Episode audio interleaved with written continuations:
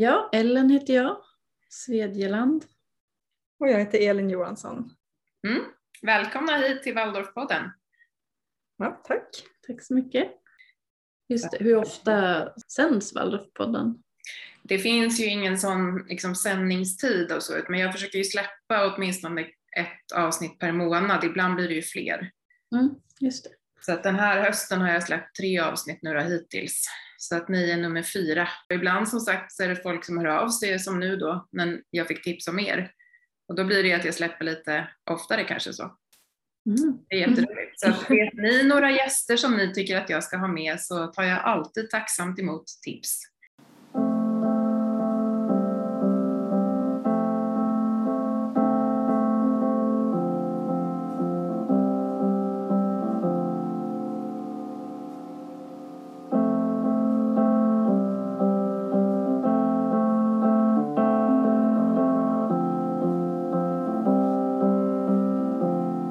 Då är vi igång. Jag hälsar er hjärtligt välkomna till det här avsnittet utav Waldorfpodden.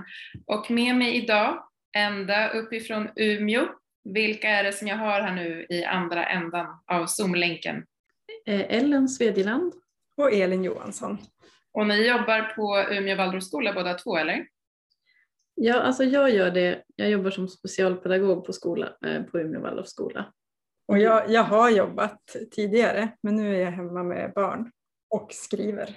Vad roligt. Och vi ska återkomma till det där med skrivandet om en liten stund. Men, men först skulle jag vilja veta lite mer om hur ni har kommit i kontakt med just Waldorfvärlden och framförallt då Umeå Waldorfskola i ert fall. Ja, men jag var väl först inne på, på Umeå Waldorfskola.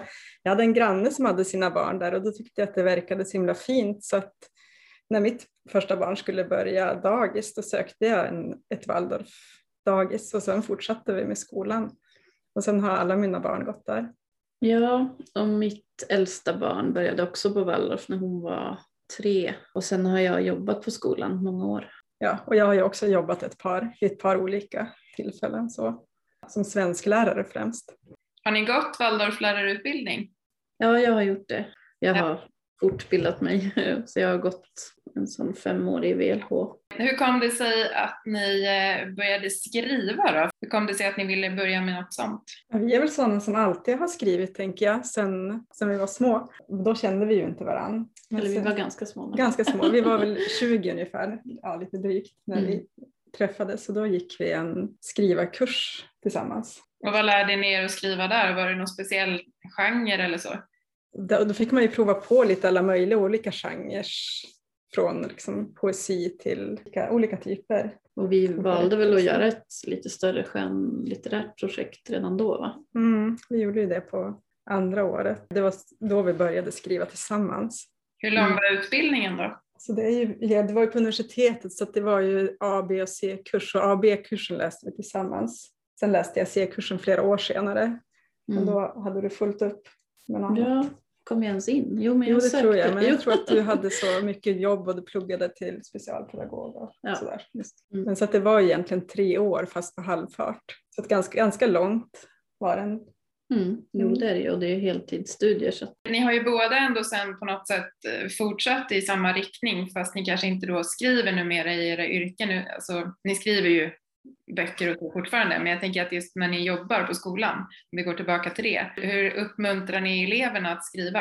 Eh, Men vi har ju haft ett eget projekt nu där vi har jobbat med skrivövningar och haft författarbesök i klasser och då har vi bland annat jobbat med Waldorfskolan. Så att det är väl som mer egentligen kanske utanför. Mm. Ja, jag har ju jobbat som svensklärare så där har vi ju skrivit mycket förstås också. Mm, Men nu, jo, nu är jag ju hemma så att nu Ja. är det ju med de här workshopsen som, Mm. som, som jag håller på med.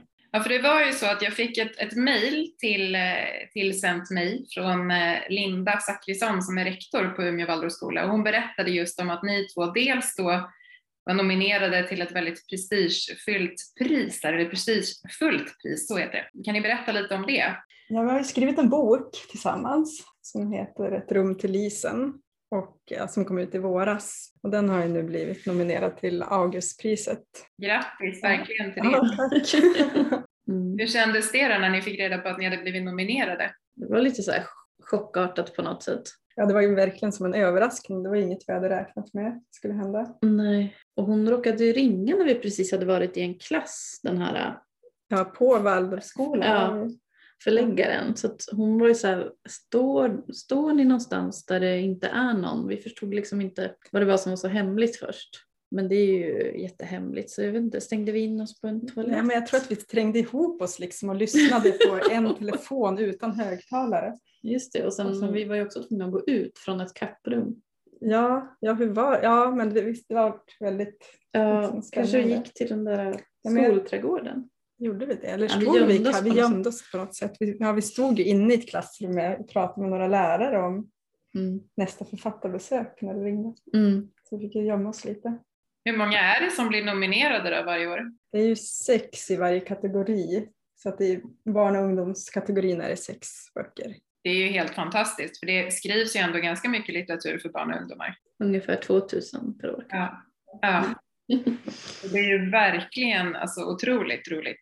Ja, det är därför man inte tror att det kommer hända, att man blir nominerad. Nej, precis. Alltså det, det kanske är så här, vad är oddsen för det? Ungefär så kanske man tänker. Mm. Men, men det ska ni ju verkligen känna oavsett hur det går. Så ska ni ju känna att ni har gjort ett strålande jobb verkligen. Så det hoppas jag att ni gör. Vad var det han radioreportern sa, han som ringde när vi satt på tåget? Han sa ju hur många procent det var. 0, Ja, det var ju väldigt lite. Någon promille av något slag. Ja, det är ju verkligen helt otroligt. Så. För det var ju det som då Linda tipsade mig om, att ni hade ju då fått den här och blivit alltså, nominerade till det här priset. Eh, Och jag tyckte det lät också väldigt, väldigt spännande att ni, att ni liksom har ett sånt här skrivprojekt. Hur är upplägget liksom för det? Ja, nu har vi väl tänkt att vi ska testa lite olika varianter i olika, olika klasser, men där vi har varit hittills så har vi först besökt dem och berättat lite om boken och så sen har de fått göra skrivövningar. Ja, Sen har vi lämnat en bok Jag till lämnar. läraren så att de har fått läsa den under några veckor. och de jobbar med lite olika frågor till. Mm, som vi har som utarbetat ett ja, Ja. frågematerial kan man säga. Och Och sen får sen- de förbereda frågor. Precis, sen ska vi komma tillbaka och då, då blir det som frågestund att de får fråga om hur det är att vara författare kanske, eller om de har frågor kring boken Mm. efter de har läst. Och så är tanken att vi också ska fortsätta med det lilla projekt som vi började när vi var där första gången. Då har vi jobbat, eftersom boken handlar, i boken så sover barnen i många olika rum. Så därför fick eleverna, när vi besökte dem, ska vi berätta om det? Ja, men Ja. de fick Mm. liksom bra. ett papper med en dörr som man kunde öppna och då skulle de rita ett rum där inne. Ett rum som de skulle tänka sig att någon var tvungen att sova i, kanske de själv. Och det skulle kunna vara ett ganska omysigt ställe. Alltså det Ja. behövde inte vara... Vilket slags rum som helst som, som de kom att tänka på. Och sen skulle de också skriva liksom början om en, jag upp till exempel, jag öppnar dörren och ser. Och så en, en liten början, Mm. en slags miljöbeskrivning. Då blir det ju att man tränar på att skriva. Och så Ja. blir det kanske lite mer avancerat, avancerade texter i de äldre klasserna. Nu har vi kört en femma, en fyra och en tre. Men boken är egentligen en, en 6 till 9 bok men det går ju att modifiera lite Ja. hur man jobbar med den. Men det var en uppgift, det tror jag barnen tyckte var kul, just också eftersom det börjar i ritandet så kommer liksom fantasin igång. Det tror jag också. Eller så kändes det ju när vi var Ja. där. Det jag tänker är ju just det här att, att, att idag så är det ju så att barn skriver ju och läser alldeles för lite säger ju många och det kan ju jag som också i botten är svensklärare då verkligen hålla med om att det är på det sättet. Så. Har det varit lätt att få med sig barnen på det här projektet eller har ni känt att ni har behövt att liksom pusha på så? Jag tyckte ändå att de allra flesta kom igång. Men jag tror vi har en liten fördel också när man kommer utifrån. Alltså Ja, jag det förstår jag. att man kämpar som lärare och det ser jag ju, alltså, som Mm. jobbar väldigt nära och liksom lärare hela dagarna. Men, men att när man kommer sådär som en extern och dessutom kan liksom, ah, vi har gjort den här boken, då är det lite enklare. Ja, Så det har varit ganska tacksamt ändå tycker jag. Jag tycker ofta att det liksom är lättare också när de får någonting sådär. Man får den här dörren, då fick de välja mellan olika och där sätter som igång fantasin. Jag har provat förut i andra klasser att ha med mig föremål som de får skriva runt. Det blir som när man får ta i någonting eller liksom titta på något så kan det liksom lossna. Mm. Ja, man måste ha någonting som liksom leder in dem på fantasins spår. har de läst er bok innan nu då sen eller har, får de läsa den efteråt? Eller, alltså just att de, de gick igenom den innan och Mm. läste och svarade på frågor eller var det? Nej, Just den här, de har varit på nu, då har vi kommit först en gång och sen får de läsa så kommer vi tillbaks. Men vi ska också ha en, en klass där de håller på och läser boken och sen ska vi komma dit. Så vi ska som testa lite vad som blir Ja. bäst. Och egentligen tänker jag att det är ju kul att de har läst den innan så att de kan få ställa frågor direkt och så. Och kanske med tidsbrist beroende på liksom hur det blir i andra skolor, hur Ja. mycket de kan tänkas avvara Ja, av sin för, tid. för här har vi haft liksom turen att vi kan få ganska mycket tid men så är det ju kanske inte sen. Nej. Och också om man ska resa långt för att prata om en bok kan man ju, då blir det ju ett tillfälle. Mm. Vi har ju som haft Waldorf lite som våran pilottestskola. Så. Mm. Om det skulle visa sig att andra skolor, både Waldorf men kommunala skolor, är intresserade sådär, av att eh, anlita er till ett sånt här projekt, hur ställer ni er till det? Det tänker jag är roligt. Man vill ju Mm. gärna, det är roligt att vara ute och prata om sin bok och träffa barn och se liksom när de kommer igång och skriver. Det är Mm. jättekul. Någon sorts direktkontakt med läsare är väl det man är ute efter som författare. Mm. Tänker jag. Mm. Ja, för om det är okej med er så kan vi ju lägga upp hur de kan komma i kontakt med er i så fall. För vi har ju många lyssnare. Ja men gör det. Visst. Jag skulle vilja komma tillbaka till det här med att liksom skriva böcker och så som jag var inne på från början med er också. Då. Har ni skrivit några andra böcker förutom den som ni är nominerade för nu då? Jag har ju skrivit några bilderböcker förut, fyra stycken. Men det här är den första kapitelboken som jag har skrivit. Och vi har ju skrivit en fortsättning. Ja, det, Mm. ja precis, det har vi. Mm. Ni har gjort det alltså redan? Ja. Ja, vi, vi kan inte låta bli att skriva så det är bara Nej. Ja, då kanske det blir en uppföljning på en uppföljning sen också då. Det vet man ju aldrig. Vi kanske inte heller får berätta för mycket om det ifall det är tystnadsplikt och annat från förlaget. Det känns väl mer dumt om det sen visar sig att det inte skulle bli så. Har man lovat för mycket här? ja precis. Ja. Men skulle ni liksom vilja skriva för några andra åldrar? Jag har ju varit ute med bilderbok i klass 4 och det funkade jättebra. Det beror ju lite grann på vad man har för upplägg. Då pratade jag om hur får man inspiration och då spelar det egentligen ingen roll vad det är för bok. Men, Precis. men det ska man prata om själva innehållet i boken, då blir det ju kanske mer att man vill vara i den ålder som det ska vara. Men vi har liksom landat lite i att vi kanske har ganska nära till den här åldern själva på något sätt. Så att vi tycker att det här är en ganska rolig ålder att skriva för. Men vi har, idag har vi suttit och spånat på en, En bok ja, en annan. 9 till 12. Ja, Ja. så det kan väl hända att vi försöker liksom röra oss lite i andra. Men det är, här, det är härligt på något sätt med lågstadiet för barnen fortfarande är i leken och det kan... Man har en Ja. frihet på ett sätt. Mm, Ja, vi tyckte det var fritt att slippa kanske till exempel mobiler. mobiler och sådana saker. Men, eh, Mm. men det kan ju också vara någonting, det kan ju också tillföra något. Jag vet inte om vi skulle våga oss på en vuxenbok. Nej. Nej, jag vet inte. Dels behöver man ju ganska mycket tid för att skriva en vuxenbok. Mm. Ja. Det är inte som att vi inte har vuxenböcker också i byrålådan. Nej, nej, det de har kanske vi såklart. Men, nej, men någon gång kanske. Men jag tror att man behöver lite mer sammanhängande tid. Det tror jag också. Att man skulle nog kanske behöva ge sig av på en skrivarresa eller något. Alltså jag, jag är ändå lite fascinerad över att ni faktiskt har den, eller att ni tar er tid att skriva.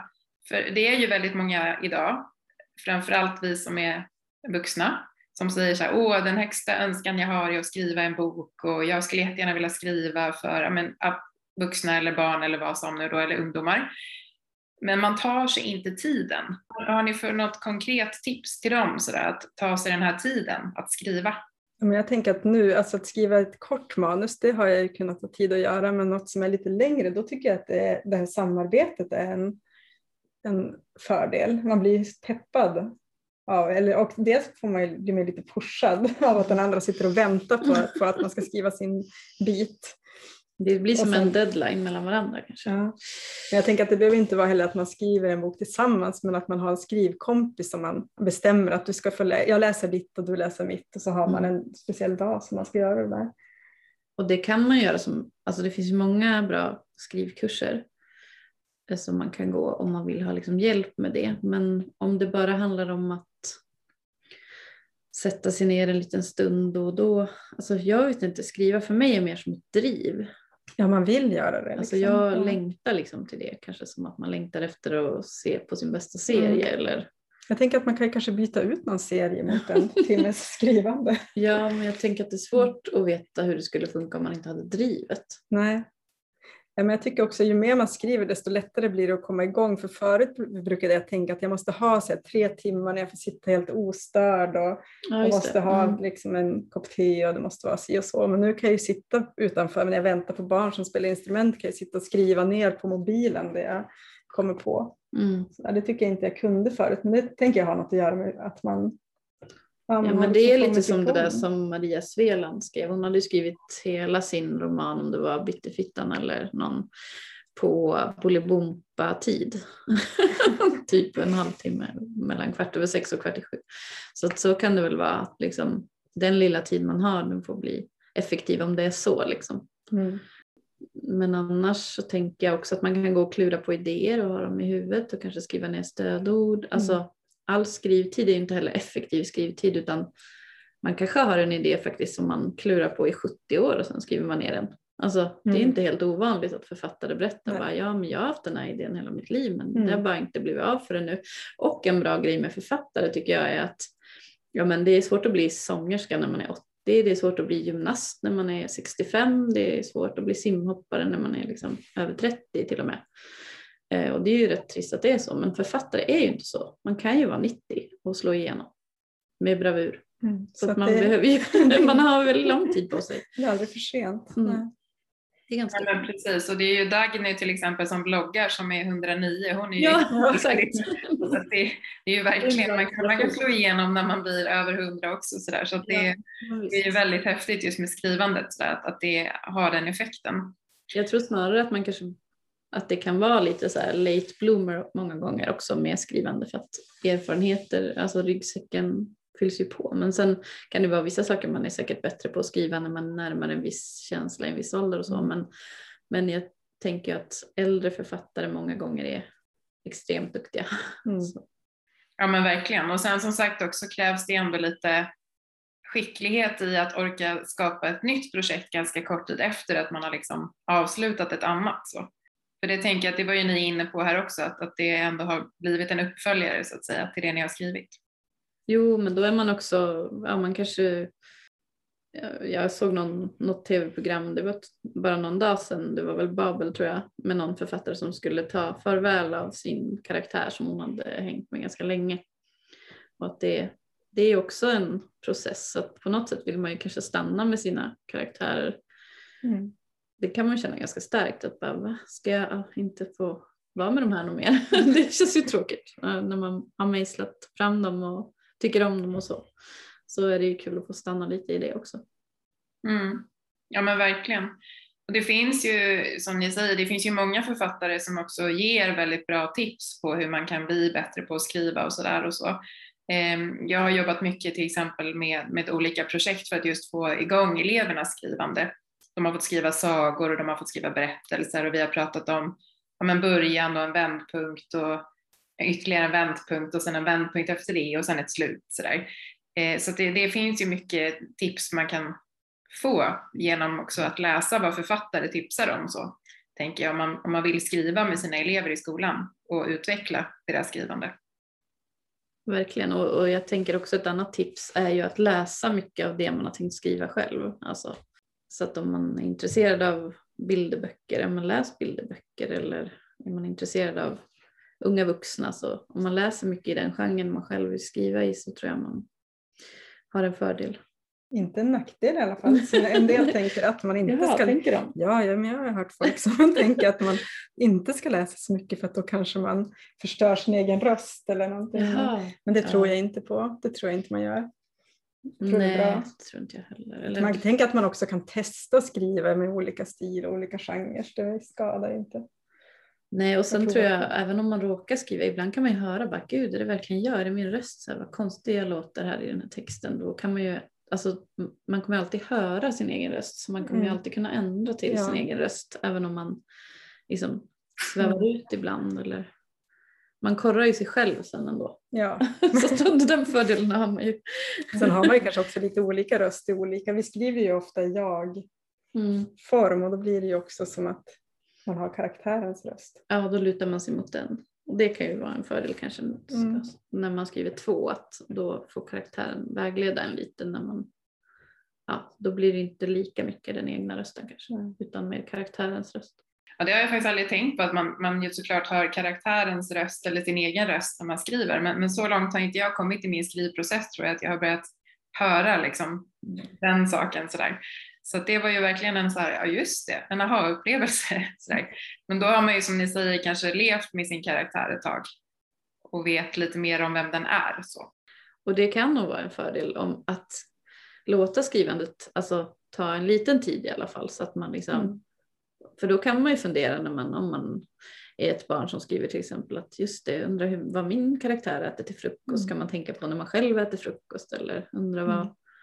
Vi har ju Ja. haft det som en uppgift nu till barnen att nu, in, innan vi ska komma nästa gång att de ska hitta på en karaktär som de ska intervjua mm. för att lära känna den lite. och Och det tänker man, jag att man kan göra, att man tänker ut liksom, ja men precis sådär, vad gillar Mm. den att äta och vad gör den på kvällarna och vad är den mest rädd för? Det är en jättebra övning för då måste man ju också sätta sig in i någon annans tankegångar och sådär fast man egentligen, alltså att man kan se på det med lite perspektiv sådär. Eller att man får liksom den här speglingen på ett annat sätt kanske. mm. det är ju verkligen så att det just nu skrivs ganska mycket om i media och även också i olika typer av rapporter hur lite barnen faktiskt läser. Om vi framförallt tar det, jag var inne på skrivandet också, att de är inte är så bra på att skriva alla gånger heller så. Framförallt kanske inte för hand utan man skriver det mesta på dator nu för tiden och sådär. Eftersom det är dator man ofta använder. Men, men just det här med läsandet, har ni några tips på hur man ska kunna få barn och ungdomar att läsa mer? Ja, alltså jag har tittat lite på de här rapporterna och en grej som man har liksom sett som, som är något väldigt bra när det gäller att hitta läslust är att hitta bra läsupplevelser. Så Mm. då gäller det liksom att hitta böcker som verkligen passar och som verkligen som kan, fängslar barnet som ska Ja. läsa den. och kan ge den där starka läsupplevelsen för att det är det som ofta ger mer smak till, till läsandet. Ehm, Så det kan väl vara något att man liksom verkligen tänker på vad skönlitteratur, om det är det, det kan ju vara starka läsupplevelser med annat också, med lyrik Mm. och så, men att man kanske inte alltid som bara tittar på själva, liksom, för ibland hör man det här, bara de läser, bara de läser någonting, men alltså det kanske är själva upplevelsen, man ska söka lite efter Mm. den också. Ja, men sen pratar vi också om det här att det kanske inte alltid måste vara en prestation. Man kanske inte alltid ska skriva en perfekt recension efteråt utan att läsningen har ett värde i sig. Det behöver inte leda till någonting. Man avsätter tid för läsning och det, man behöver inte liksom mynna ut i någonting. och försöker göra det så lustfyllt och, och bra som möjligt för den som läser. Det kan man komma ihåg själv om man tänker på sin egen barndom och ungdom att de böcker som man verkligen kände något med, de kommer man ju ihåg. Eh, och det är det man på något sätt vill ge barn. Så att det här med att mängdläsa kanske är bra på ett sätt men jag tänker att de, alltså, om man ska bli en läsare måste man också bli bjuden på upplevelser. Mm. Eller? Mm. Men då blir det också det att det är viktigt att läsa högt för barnen så att de får höra att det finns berättelser som är jättespännande och att de kanske har något att se fram emot. Och tänk när jag själv kommer att kunna läsa en sån där tjock bok som är sådär bra. Mm. Jag vet inte. Men också blir det ju såklart för de barn som inte är så bra på att läsa så får de ju ändå berättelserna. Mm. Precis. Och sen många, liksom, nu är jag specialpedagog och du är svensklärare så vi är lite, men jag, menar, jag tänker också så här, men muta barnen och Ja, det, det gör det mysigt när man läser och Mm. Ät godis och läs. Och, ja, men liksom, Mm. Ja, men både, hem, både hemma kan man ju göra det och i skolan kan man ju också tänka att när ni har läst så här många böcker tillsammans då blir det fest. Mm. Och så får alla liksom vara med och hjälpas åt. För jag menar den det. ena delen är ju självklart att det är tråkigt att barn inte läser men det handlar ju också om rätten att bli en demokratisk medborgare. Så det är ganska grundläggande viktigt att kunna läsa. Och sen är det ju en extra krydda tycker jag om man kan få känna att man, ja, man kan få fina läsupplevelser som man minns och som går in i hjärtat på något sätt. Och som kanske påverkar en ja, djupare. Mm. Ja, men där är ni ju inne på någonting, verkligen det här med att man ska kunna liksom få ett minne för livet av att man har läst någonting sådär som, som hänger kvar. Upplever ni, precis som jag kan uppleva ibland, att det också finns ju lite så här äh, olika, man brukar ju säga på engelska som en hype, att det blir lite hypat med vissa böcker och då läser alla dem sådär oavsett om det är liksom bra böcker eller inte så. Ja, det tycker jag verkligen att det Ja. finns. Mm. Och då, då kan man ju fråga sig då, hur får vi alla böcker att bli den här hypen? Så, för det är ju lite det kanske som är att, att vilja just läsa alla böcker. Så. Ja, bra bibliotekarier som skyltar bra. Nej men, ja du tänker hur man breddar liksom. Ja, men, ja. Mm, Det är en intressant. Jag tänker att det måste ju som finnas, man får se till att man lånar, hem många olika böcker och kanske i skolan att det finns många, att man lägger dem lite överallt så det är lätt tillgängligt. Men Mm. också kanske att man liksom läser lite ur olika böcker så att barnen liksom kanske blir nyfikna på att höra fortsättningen. Ja, så brukar man prata om så läsande förebilder. Och där kan man väl kanske tänka vuxna till barn men kanske också äldre barn till yngre barn. Breddar smaken liksom uppifrån och ner på något sätt. Mm. Ja, hemma har jag också haft så läscirkel med, när jag haft tonåringar så där som ja, några, med några olika böcker har vi kört det. Och att vi som har sagt att när vi har läst ut den då ska vi fika något gott och prata om den här. Och det är mysigt. Nu har inte det blivit jättemånga gånger, men några gånger och det har varit fint. Precis det som ni är inne på nu, det här med att, att äldre kan också inspirera yngre och sådär, så har jag försökt jobba på, på de skolor där jag har jobbat. Just att vi i årskurs åtta har haft sagoboksprojekt. Och så har de fått gå ner och, och läsa sina sagor. De har fått välja vilken målgrupp de ska ha, precis som ni har varit inne på målgrupper här också, vilken ålder. Då måste de verkligen läsa på vad den målgruppen eller åldern vad de liksom tilltalas av lite grann och sådär så att de inte skriver en bok som är för sexåringar men som kanske bara någon som är 12 förstår. Så där. Att det liksom ska finnas, ja, att de ska förstå att i det här spektrat så riktar jag mig till någon som är sex år då ska den förstå vad jag skriver. Så. Och så får de gå ner och läsa för sexåringarna då. Och då har det varit också så att de här små är lite sådär att de längtar till de kommer upp till åttan och ska få skriva sina sagor sådär, och komma ner och, och läsa dem då för, för lågstadiet. Sådär. Så att det, det kan ju också vara ett projekt som, som man kan jobba med. Mm. Om man just vill entusiasmera de som även är tonåringar att skriva lite mer. Mm. Eh, vi har haft ett avsnitt tidigare av Waldorfpodden där jag pratade med Åsa Månsson de Sosa som jobbar på Waldorf lärarhögskolan. Hon hade skrivit, eller har skrivit en master som handlar just om lite grann om det som vi är inne på nu. Det här med hur barn läser och, och framförallt om de lä- alltså vad de läser när de får välja helt fritt. När inte vi vuxna går in och styr vad de ska läsa. Så den är ju väldigt spännande att läsa. Jag kan ju länka till den också i det här avsnittet så att är det någon som vill gå in och läsa om den så kan man göra det i, bloggen då, i Waldorfpoddens blogg. Men det jag skulle vilja komma åt även i det, det var att Åsa och jag fastnade ganska länge på det här som, som du Ellen var inne på. Att om man har bra bibliotekarier på skolan så är det väldigt, väldigt stor vinst med det. Att just det här att, att få eleverna att lockas att läsa genom att bibliotekarien kommer och läser lite eller kanske just som ni säger skyltar bra. För att om man kommer som elev och står och tittar på bokhyllorna i, i biblioteket så har man ingen aning. Nej, det Mm. kan nog ha ganska stor betydelse.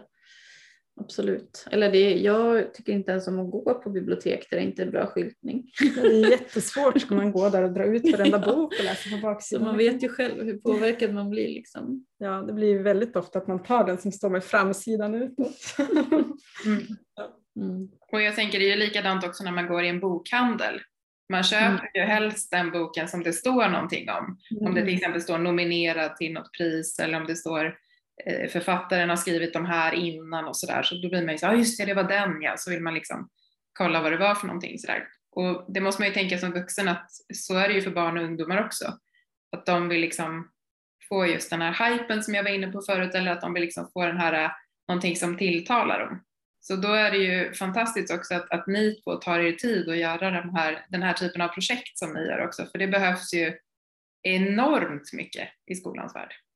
Jo, men det har man också sett i forskning att det, brukar leda till ökad läslust om det kommer författare och liksom, eller andra läsinspiratörer och det är väl säkert också bibliotekarier och det, att det Mm. ger en positiv effekt. Men det är väl mest för, för att vi tycker det är kul Mm. för oss. Men det är bra att det finns vetenskap som stödjer oss på vägen.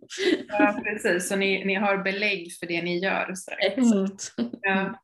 Hur länge kan ni tänka er att hålla på med den här typen av projekt som ni håller på med nu då? Är det något som är tillfälligt eller är det något som ni kan tänka er så att ja, men det här skulle vi nog kunna köra på med ett tag? Allt är ju mån av tid och sen är det ju kanske en sak är om vi får betalt. Ja, ja, men precis. Har man det lite som ett jobb då är det ju Mm. ja, bara att fortsätta. Det är väl också lite så när man blir, nu blir vi så erkända som Ja, författare. nej, men då får man, ju, man inte, får inte göra det gratis, då stjälper man ju andra författare. Mm. Nej. vi, vi har inte den friheten att bete oss som hobby writers anymore kanske. Hur länge man kan, alltså jag tänker att det är roligt och att det är något som författare gör alltid som en del Mm. av sitt författarskap. Alltså, Ja, det- det, det är väl en stor del av jobbet om, man, Mm. om man ska ha det som en heltidssysselsättning så Ja. måste, måste man ut och prata också. Och som sagt det är roligt att, att träffa barn och ungdomar, det tycker väl Ja, det är inte minst vi. Men, Ja, Så det kan man väl hålla på med. ja men man, det är perfekt också tycker jag att kunna kombinera nu när jag ändå är lärare att vara i skolan och, Mm. och ja, men typ undervisa fast på ett annat sätt. Att man bara får liksom göra den roliga biten. Det är väldigt lyxigt. ja, Ja, precis. Jag tänkte ju säga det, att ni har ju verkligen valt den bästa biten. Så dels att få skriva själva men också sen att, att få uppmuntra barn och ungdomar ungdomar att skriva och, och läsa sen också. Jo, precis. Det var kanske något man brinner för sådär. Och tyckte om själv också. gjorde jag när jag gick i skolan. Jag minns när det liksom kom någon till skolan. Sådär. När det kom någon utifrån, Ja. det hände någonting. Mm. Mm. Mm. Avslutningsvis nu då så, där, så, så tänker jag mig att, att eh, nu har ni ju jätte, jättebra tips här och ni har också berättat om era projekt och så.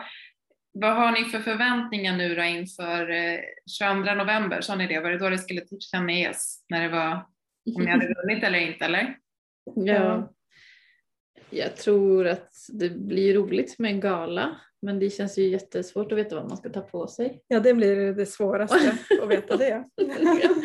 Det känns ju mysigt ändå. Liksom, nu lärde vi känna några när vi var Ja, det där. blir jättekul att komma tillbaka och träffa dem och så. Men sen känns det ju också som att man, man tycker ju om de andra också när man har träffat dem. Ja, så att man vill ju precis. egentligen att alla ska vinna. Det blir lite så att man hejar på alla böckerna så vem som än vinner kommer man känna att ja, just det, men det är ju de där, de är jättebra. Så jag tror, det låter ju så här, ja, vad är det för liksom, men, men jag tror det är så och att man är lika glad för att man är nominerad om man tänker då, det är ju sex i varje kategori och så är det tre kategorier. Så det kommer ju vara liksom tre personer som har vunnit då, eller tre Tre böcker. Mm. Och sen kommer det vara 18 böcker som, nej 15 böcker som inte har vunnit. Mm. Ja. Så det är inte som att någon går därifrån som förlorare tänker jag, utan det kommer ju vara feststämning. Ja. Ja. Och det Vi har, ju redan, vi har ju redan gjort det, vi kan, vi har ju redan skrivit boken. Ja, att det kan inte göra så mycket åt det. inte upp till oss. Nej, Nej. precis. Men eh, jag tror att vi bara är helt hedrade för nomineringen. Ja, verkligen. Var någonstans kommer galan vara?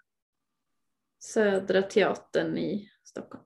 Går det att se det på TV eller är det? Det sänds väl på Aug- Augustpriset har en egen hemsida där det kommer att sändas, tror jag. jag är Ja, det säker tror jag. på. Det gjorde ju nomineringen. Ja. Ja. Mm. Jo, Vad men det, häftigt, då kanske jag kan hitta någon länk till det också då och lägga med. ja, det tror jag. De som vill så här, sitta hemma och heja med, med krukor och trumpeter och flaggor kan göra det sådär och tänka att yay, nu så. Men samtidigt är det ju som ni säger att ni har ju dels kommit väldigt långt redan innan och ni har ju skrivit boken och så, men det är ju ändå verkligen ett sätt att bli, som ni också varit inne på, en erkänd författare. Så, så det är ju fantastiskt roligt verkligen. sa vi så. Ni sa faktiskt så.